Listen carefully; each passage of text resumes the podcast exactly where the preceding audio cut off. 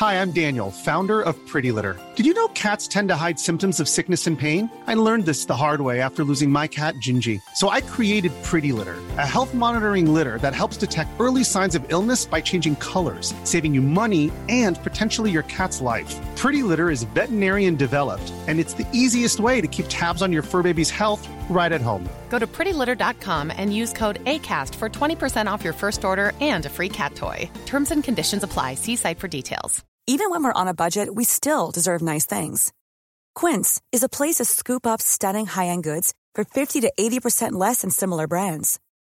They have buttery soft cashmere sweaters starting at $50, luxurious Italian leather bags, and so much more. Plus, Quince only works with factories that use safe, ethical, and responsible manufacturing. Get the high-end goods you'll love without the high price tag with Quince. Go to quince.com slash style for free shipping and 365-day returns.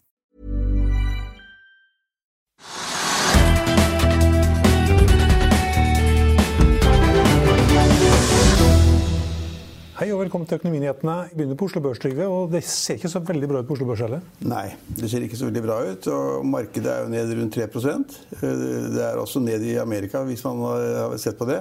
Rundt halvannen prosent eller noe sånt nå. Så det er hovedindeksene. Så, Oslo Børs følger kanskje litt USA. liksom at Det er ikke noe bedring i USA, så er det ikke noe bedring her. Og så har vi litt større utslag enn andre børser, fordi vi da har råvarer som olje og sånn, som slår ganske mye ut. Og nå, Oljeprisen den eh, har vi snakket om hvert, i hvert eneste program i årevis. Men det er ganske viktig å følge med. Og fordi vi har to store oljeselskaper. Det er én ting. Og det andre er det at det, er, det har noe å si for den generelle økonomiske utviklingen i mange land, mange land etter hvert. Og, og oljeprisen tikker nedover, men ikke så mye som jeg kanskje hadde trodd akkurat nå. Den har ligget av sånn 25 eller 26 dollar per fat i dag. Og mesteparten av dagen på 26 dollar per fat. Og så har den da på slutten av dagen tippet ned på 25. Så vidt eh, holdt seg på 25. Og det er negativt for energisektoren, men det er bra for mange andre. Men det er ikke da bra for Equinor og Aker BP og andre oljeselskaper. Det er heller ikke bra da for skipsselskaper eller da olje- og serviceselskaper, som jeg har sagt om mange ganger. Så vi har et sånn litt negativt bilde at liksom børsen og verden har ikke kommet seg. Det skal det ikke gjøre heller. Fordi verden har ikke snudd. Vi vet ikke utgangen. Usikkerheten er like stor i dag som var på fredag. Minst. Så det, altså, Når du ikke vet noe mer om usikkerheten, ikke noe du kan regne på Ingen i verden kan si om denne Conora Korona? Korona Korona, korona, koronaviruset. Det samme som jordbæra, vet du. Ja. Den, den blir sikkert mye sak av i, sommer. Korona. Men, men, men, men, det ingen kan si da om det der på en måte er tatt hånd om av verdens regjeringer på den helsefaglige siden om én måned, to måneder, eller to måneder, eller tre måneder, eller fire måneder eller fem måneder. Og de økonomiske konsekvensene av den lockdownen som er så, mange, er så mange steder i verden, ikke helt i Norge, men i veldig mange andre land, 100% lockdown, og, og forbud mot å gå ut om natta osv. Altså, de har en nedsmeltning av verdensøkonomien som ingen aner utgangen på. Så lenge man ikke kan regne på det, så er det negativt. Og så er det helsefaglig at liksom man, man, er engstelig og redd for at man da ikke finner en løsning, ikke finner en vaksine og ikke vet hva man skal gjøre. Og om da de tingene man gjør i Norge, skal det bli strengere eller mildere eller, altså man, Så lenge man ikke har et tidspunkt, man har ingen usik usikkerhet å regne på, så er det dårlige dårlig tilstander på, på børsene verden over. Men, men i den grad man har kontroll på noe som helst, og i hvert fall har fokus på noe, så har man veldig fokus og kanskje kontroll på det helsefaglige. Men man har ikke noe særlig kontroll på økonomien? Nei, nei, nei, man har kanskje litt korona, koronavirusen. uh, man har kanskje litt tak på det, men uh, altså i Kina kanskje. Kanskje Sør-Korea, som de sier. Men ikke i nærheten i Italia.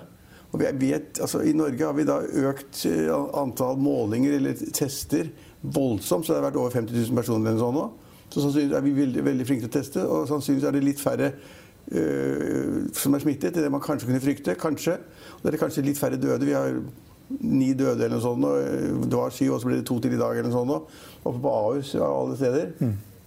Så kanskje har man litt men, men, men, men, hvordan man skal stoppe det i USA altså hvis De som følger nyhetsmeldinger fra USA, er jo, det er jo ingen der som angir noen løsning på hvordan man skal teste folk nok og de som blir syke, skal bli lagt inn. Og hvor mange som kommer til å dø. Man vet ingenting. Jeg, synes at det, jeg er enig det er litt bedre liksom, på det helsefaglige. Virker som i hvert fall har, har, har en plan.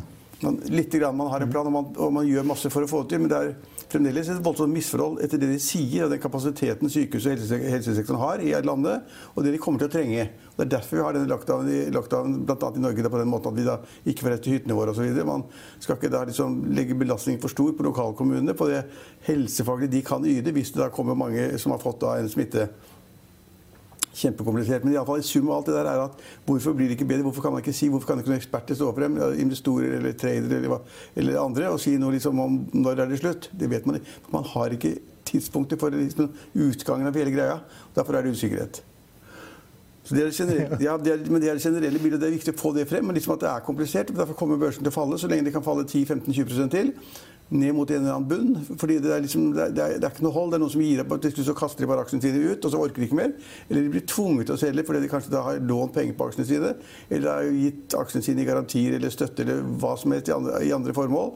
Og Det presser da markedet ned hele tiden. at liksom Flere og flere taper, flere og flere har tapt. Noen må ta tapene reelt, ikke bare, ikke bare papirtap. Eh, og det presser markedet ned, selvfølgelig. Er det noen lyspunkter? Nei, men, eh, nei, da skal jeg tenke meg veldig godt om. Men, nei, men bare ta de negative først. fordi at Norwegian flyselskapet er jo ned, en av taperne i dag er ned 14-15 mm. Og Da har jeg skrevet en leder i Finansavisen i dag om det. At liksom, de vilkårene for at de skal få tak i de 3 milliardene kronene som da de har fått fra staten i såkalte lånegarantier, kjempekomplisert. Og staten stiller kjempekrav, bl.a. om ny egenkapital. Hvis jeg har lest proposisjonen rett, og det tror jeg absolutt jeg har gjort, så stiller staten veldig strenge, Finansdepartementet veldig strenge krav til liksom ny egenkapital inn. Ingen snakker om det. Det er jo katastrofe hvis eh, Norwegian må hente penger i markedet. Og så er det også da andre vilkår som de må oppfylle, som er liksom litt kompliserte å, å, å, å stille, stille, stille, opp til. Og derfor så er den så jeg vil si at Det er, det er nesten, nesten, vondt å si det. Det er større sannsynlighet for konkurs i dag enn det var på fredag. Mm. Fordi de, er, de skal liksom få lov til å låne penger. Så skal staten dekke 90% av de tapene på de lånene eventuelt. Og så skal da noen andre, du eller noen banker eller andre finansinstitusjoner, putte 10% i potten. Så du får mer gjeld. Og, og, og, det er ikke bare staten som skal dekke det, det er noen andre private som også skal dekke det. De, det, er, det er ikke så lett i dag å gå til en sparebank eller en bank og si at de har fått en lånepart fra staten. Staten tar 90% av tapene. Å, det høres kjempefint ut. Men dere som har penger, dere må stille opp med 10 av det mulige tapet, potensielle tapet. Det er ikke så lett å få til. Og summen da med krav også om ny egenkapital. så jeg tror det blir for vanskelig for markedet. Og det er jo noen som i dag har minnet om da fadesen av dette startet, nemlig da uh, Bjørn Kjos i sin tid bestilte 222 fly. Det fleipet vi ofte med her i studio, at det var utrolig mange fly. Utrolig store lån. For å liksom skaffe seg fly til enhver en scene. Og så var det spørsmål om man skulle bruke de flyene selv, eller skal man leie det ut, eller skal man selge det, eller tjene penger på det, eller hva som helst. Og så har det liksom kokt bort i kålen alt sammen. Eh, så, så Norwegian er en av de store taperne. Det var et langt svar på Men det er et viktig selskap. Veldig mange som er orientert om det. Uh, og det er ned 13-14 mm. uh, og, og, og, så vidt under 10 kroner. Mm. Og Det betyr vel, som du er inne på, at skal de få tak i de 3 milliardene, så må det komme en emisjon? Ja, det, altså det, Hvis man leser proposisjonen, så må de faktisk da, fordi at staten sier da det at eh, vi skal gi denne lånegarantien, men da må på en måte långivere, som skal gi da avdragsutsettelse, rentenedslag, og de som skal sikre liksom boniteten i systemet, de må forstå at staten følger med her. Ja, altså Hvordan skal man tolke det annerledes? Da må de, noen må komme med penger. Egenkapital først. Og så hvis det er noen som er villig til å låne penger mot statsgarantien, så er det noen private som må ta en risiko i det også. Det er, ikke, det er liksom ikke gratis penger. Så Derfor er Norwegian taperen i dag, og det er kjempe, kjempeskummelt. Så der kan alt skje. Og, og, så har vi jo det som vi har snakket om mange ganger, XXL, som er også da ned 13-14 i dag. Som er da ned på så vidt over 4 kroner. Det er nesten like fra 3 kroner et eller annet. 3 kroner og 90 snart, tenker jeg. Ja, 4 kroner 20 nå. Ja, ja, men altså, det er ikke langt fra 93 kroner. Og, og, de skal da permittere 1000 mennesker i Norge, og de har permittert i Østerrike. Og de må permittere, for de har ikke noe å gjøre. Står folk og skal selge ski, og så er ski? Det er jo liksom uh, sommer og sol og vår og Det, det, det går an å gå på ski. Ja, da kan gå i Støkker'n. Nei, ja, og på Solhjøg, da. Ja, ja, man kan gå på ski. Det er ikke så langt unna. Men du liksom, Kjempefint, faktisk. Men når man ser ut av kontoret vårt så ser det ut som det er sommer. Ingen som tror at det går an å gå på ski. Nei, Nei og, og, I hvert fall så stormer ikke folk av gårde for å kjøpe ski og skøyter og staver og hansker nå. Det gjør de ikke. Og der du skal bruke skiene på hytta, dit får du ikke lov å dra? Der får du ikke lov å dra. Det som der kunne være påskeløftet. ikke sant? En uke i vanvittig terreng og gå i fjell og få et par nye eh, ski før du drar, eller kanskje en ny lue, eller barna skal få en ny vindjakke eller hva som helst. Det er ingen som kjøper det nå. For, Ingen skal jo på hyttene sine i påsken, for det er ulovlig. Så, så RCC, nei, RCC, XXL er, er ute på veldig dypt vann, og det ser veldig dårlig ut. og Permitteringene, ja ok, det forstår man jo, det ville jeg også gjort. men men når markedet på en måte er blåst bort og du har et veldig godt poeng at Påsken er en viktig del altså Hvor mye utgjør påsken av totalen, det kan jeg ikke si, men det er iallfall et lite løft. da. Mm. De får ikke med seg påsken heller, så alle de lager, varene de har på lager, må sitte på nå da fra mars og langt ut i oktober-november neste år. og Da skal de konkurrere med Gressvik om de største rabattene og de største utsalgene. og det, er nest, altså det er nesten umulig. Jeg sier ikke at ingenting er, er, er altså, ingenting, alt er mulig, da. Men, men altså, jeg, jeg syns det er en kjempekomplisert situasjon. Og så er det, så er det CM Offshore i dag også, også ned 15 Så vi har liksom et oljeserviceselskap, vi har et sportsselskap. Og vi har flyselskap. Og vi kan ta med Bård Drilling og ja. 2020 Bulkers og Ja, det er et veldig godt poeng. For altså, 2020 Bulkers, uh, som er altså da et uh, tørrlastselskap, uh, var også på taperlisten å begynne med i dag, ned 50% eller sånn. Og Bård Drilling også var også der. Men så har det endret seg litt. Men poenget er, poenget er at når man ser på børskursene så er det bare et tegn på det at det som alle ser Du må ikke være særlig god analytiker eller siviløkonom eller hva som helst for å skjønne at det går ikke. For når verden krymper som den gjør nå, denne, smelt, denne meltdownen som vi har, det gjør at det blir fraktet mindre varer, færre biler, færre, færre sykler, færre jakker, færre mindre Altså alt fraktes det mindre av. Kanskje bortsett fra olje. Kanskje det fraktes mer olje, jeg er ikke sikker på. Men iallfall da av, av liksom uh, korn eller stål eller kull eller varer eller biler. Valenius uh, Wilhelmsen skal jo da De sier selv at de har 10-15 skip for mye. De, og de gjør ikke annet enn å frakte biler frem og tilbake til, til, Kina eller Japan eller tilbake til Europa. frem og tilbake, og så Landbruksmaskiner eller hva det måtte være på den ene veien, og så biler den andre veien. Men de sier nå liksom, vi, er bare én uke ute i krisen, så sier de liksom at vi har 10-15 syv for mye, og vi skal skrape fire-fem av dem, hugge opp. Og resten må vi da liksom levere tilbake til de som har, vi har lånt disse skipene av. Mm. Så det å tro da det at liksom tørrlastmarkedet skal komme tilbake Det er lenge til. Altså Alle skal jo skru ned, så hva skal de da frakte? Og Derfor er det en eh, veldig dårlig kursutvikling for, eh, for et tørrlastselskap. Og så har vi da Borr, som er, altså, Oljeselskapene sier jo alle sammen skal bruke mindre penger. Alle styrene skal stramme inn på alt. og Lavere investeringer, feste setebeltene, holde seg i ro. skal Passe på de pengene du har. Og Da løper du ikke ut og gir masse penger til Borr for å lete etter mer olje. For det eneste vi er helt sikre på, Stenover, verden har da mer enn nok olje. Det er derfor prisen er på, på fallende kurs. Øh, fordi at øh, noen frykter, og det er jeg litt enig i, for å sette det litt på spissen, så sier man at det er kanskje 10 millioner fat olje per dag for mye. Fordi at liksom Etterspørselen synker kanskje med 5-6-7-8 millioner fat. Og så øker tilbudssiden med 4-5-6 millioner fat. Så man kan liksom da stå i en situasjon hvor det er 10 millioner fat olje for mye hver dag. Og da kan oljeprisen synke under 10 dollar fatet. Kanskje. I'll see you in court. Vi sier det ofte litt på spøk, men for deg som driver business, er det aldri moro å innse at du ikke har laget en 100% gyldig kontrakt. Du bør ikke risikere hele firmaet ditt fordi du synes dette med kontrakter er litt stress. En avtale er ikke en avtale. Du kan miste kunder, miste venner, ja, til og med miste inntekter om du ikke lager en skikkelig kontrakt, på alt mulig, egentlig. Men vi vet det er et styr. Kopimaskiner, tregprinter og haugevis av papir. Dessuten stoler vi jo på folk her i landet. Det er ofte litt kleint å skulle be om en signatur for alt mulig, ja, for mye av styret handler også om jakten på underskriften. Det finnes en enkel måte å løse dette på, Dukkobit, en trygg, effektiv og get this, gratis måte å sikre seg en god natts søvn pluss en juridisk bindende avtale. Dukkobit-appen har de strengeste sikkerhetskrav i bunn, samt en EU-godkjent og sertifisert teknologi. Framover vil det bli behagelig å spørre du, skal vi skrive under på det, eller? Kom i gang på dokobit.no. Og ingen har tenkt å gi seg? Uh... Nei, ikke i Russland og ikke, ikke de Saudi-Arabia. Nå skal de kvitte seg med disse her skiferprodusentene i USA. Ja, det må, koste hva det koste vil. Det koste hva det koste vil, ja. Men, men, men i alle fall kan man si at da på kurslisten så skjønner man det som foregår med Norwegian. Man skjønner det som foregår med Borr. Man skjønner det som foregår med Bulk-selskapet. Og man skjønner det som også foregår med Equinor. at liksom da, Hvis oljeprisen er på vei ned, så er det litt negativt, kanskje. Og så går den litt ned, og så kanskje Aker BP er litt opp. men ja.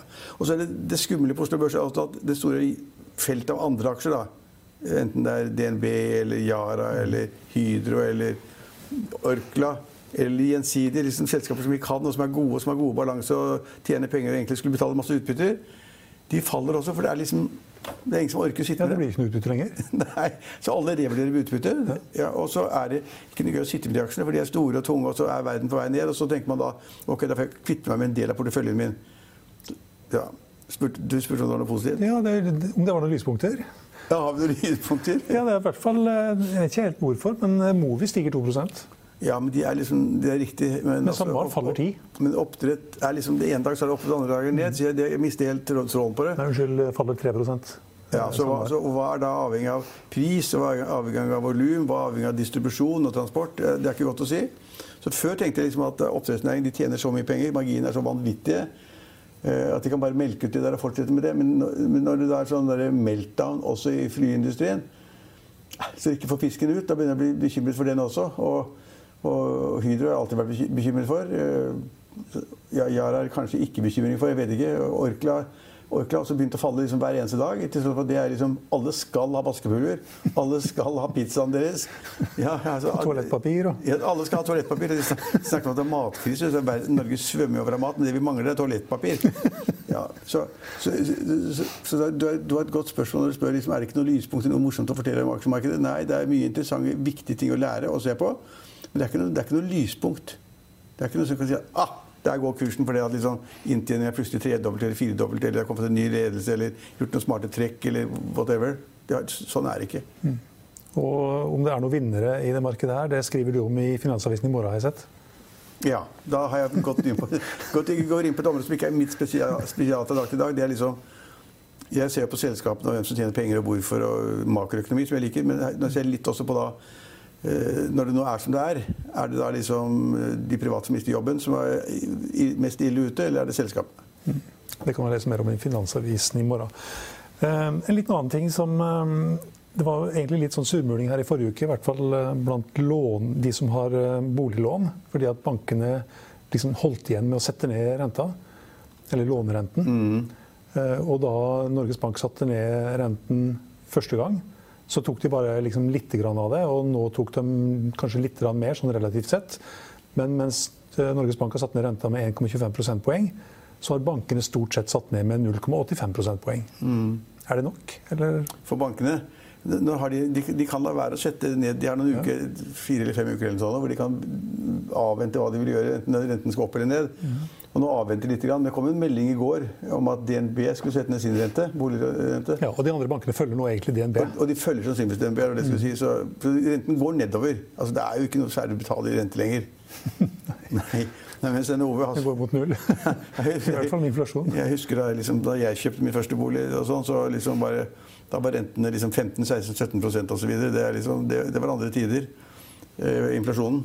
Eh, og rentene var skyhøy. Altså, nå Hvis man da som boliglånskunde i dag skal betale 2,5% i en eller annen bank, da, så må man fradrag for, for, for ligningen for det, så er det nesten ikke renter igjen. Mm. Og snart er den kanskje to. Og så er det Og så kanskje inflasjonen på to, tre, to, kanskje tre, 4 fire, kanskje fire-fem. For at inflasjonen spiser opp mye av gjelden din, som det gjorde i 70-årene, som da jeg og andre på det tidspunktet hadde stor glede av, selvfølgelig. Da var det jo Prisen gikk rett til himmels, inflasjonen var høy og gjelden ble blåst bort. Det, det, var, det var lykkelige tider. Men, men, men derfor kan man ikke altså, Det er interessant om makro, makrosynspunkt. Det at renten nå går ned litt, vil det bety at folk vil kjøpe flere boliger eller bedre boliger, betale mer for boliger? Jeg tror ikke det. Det hjelper for de som har boliglån. Ja, det hjelper litt. og Alle ser at det er litt bedre. Vi sier til hverandre over middagsbordet at liksom Du, Trude, jeg tror dette holder. Jeg regner på det neste måned og måneden etter. sånn, Det går bra. Og Det er i grunnen det jeg tenkte, kunne godt tenke meg å avslutte med. fordi at, at uh, verden ser ganske stygg ut. Kristian Ringnes, Vi har et intervju med han her. og Han sier hva det skal bli verre. Han snakker da kanskje mest om eiendomsmarkedet, men også generelt. Og utleie. Men poenget er at den jeg bare bruker det ordet om igjen, den meltdownen, altså innelåsingen, eller hva du vil kalle det, som skjer nå i verden rundt, er så alvorlig og så dramatisk at folk fatter ikke. Og Da skal man liksom først bli, komme over kneika, og så skal man bygge seg opp igjen. Og Det betyr at altså da politikerne, om de har skjønt hva som foregår, det er jeg ikke sikker på, men i alle fall så gjør politikere i Norge og andre land de gjør veldig mye for å få økonomien i gang igjen. Pøser ut penger, store lånearrangementer, kan skaffe likviditet i markedene. Men om de skjønner hvor mye som skal til for at dette skal gå bra, det er jeg ikke sikker på. Nei. Det Nei, det, jeg er ikke sikker på om de er sikre på heller. Nei, det er, det er faktisk, Man kan til å tenke liksom, hva skal til, og ja, hva skal vi få til? Og, altså, hva skal til for å få flyene opp i luften igjen? Altså, folk vil jo gjerne reise. De vil jo gjerne reise til Tenerife eller Malta eller på ferie i Thailand osv. Det er jo ikke ett menneske i Norge nå som snakker om å gjøre det nå. Altså, det er ikke ett menneske i Norge som gjør det. Altså, du skal først få orden på tingene. Skal flyene begynne å fly, og så skal du liksom booke deg en reise til Barbados eller hva det måtte være. Altså, det er så komplisert. Og da går vi tilbake til det vi snakket om, om XXL, eller kjøpe sportsutstyr, eller kjøpe andre ting. eller det er langt, langt frem. og er, Om staten i Norge har gjort nok, det er jeg ikke sikker på. Nå kom det et nytt tiltak i dag som da skulle hjelpe små og mellomstore bedrifter, hvor da, hvor da Innovasjon Norge skulle, skulle, da administrere en form for ordning hvor da selskapene som hvis de hadde litt dårlig råd, kunne gå og snakke med Innovasjon Norge, og så kunne de kanskje hjelpe til å skaffe litt garanti eller skaffe litt lån osv. Så, videre. så det gjøres noe hver dag. Jeg er litt imponert over regjeringen. De finner på ting hver eneste dag. Men jeg tror ikke de helt skjønner liksom hva som egentlig skal til. Og før vi da får tallene fra Amerika hva som skal til der. Det er sånne sinnssyke beløp. Og så skal de begynne å lokke, eh, lockdown begynne å, begynne å bli sånn halvt amerikansk. Men, skal liksom da stenge New York og stenge San Francisco og stenge by etter by. Det er, det vel fem eller seks stater nå hvor de har stengt ned alt mulig rart. Og det skaper jo bare uhygge og nye negative ting og kritikk osv. Så, så det, er, det er ikke mulig akkurat nå å finne noe positivt. Det er ikke mulig. Beklager.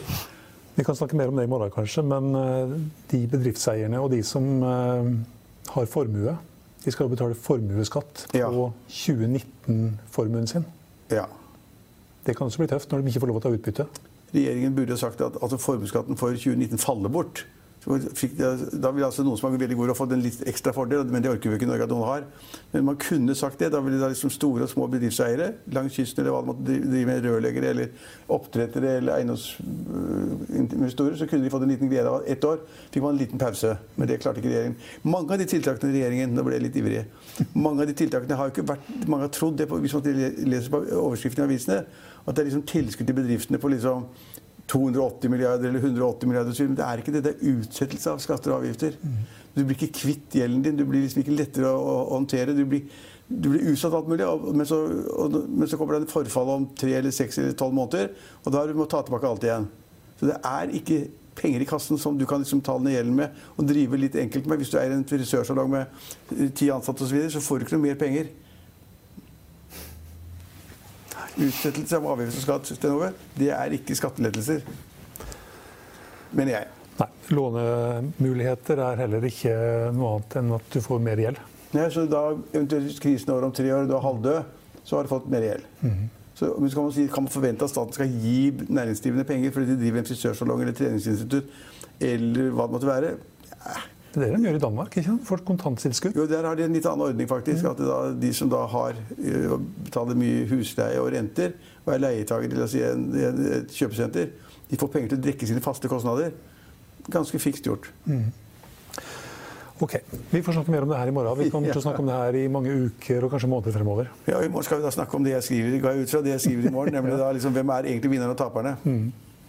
Det var det vi hadde for i dag, men vi er tilbake igjen i morgen klokken ti og klokken 16.30. Følg med oss igjen da.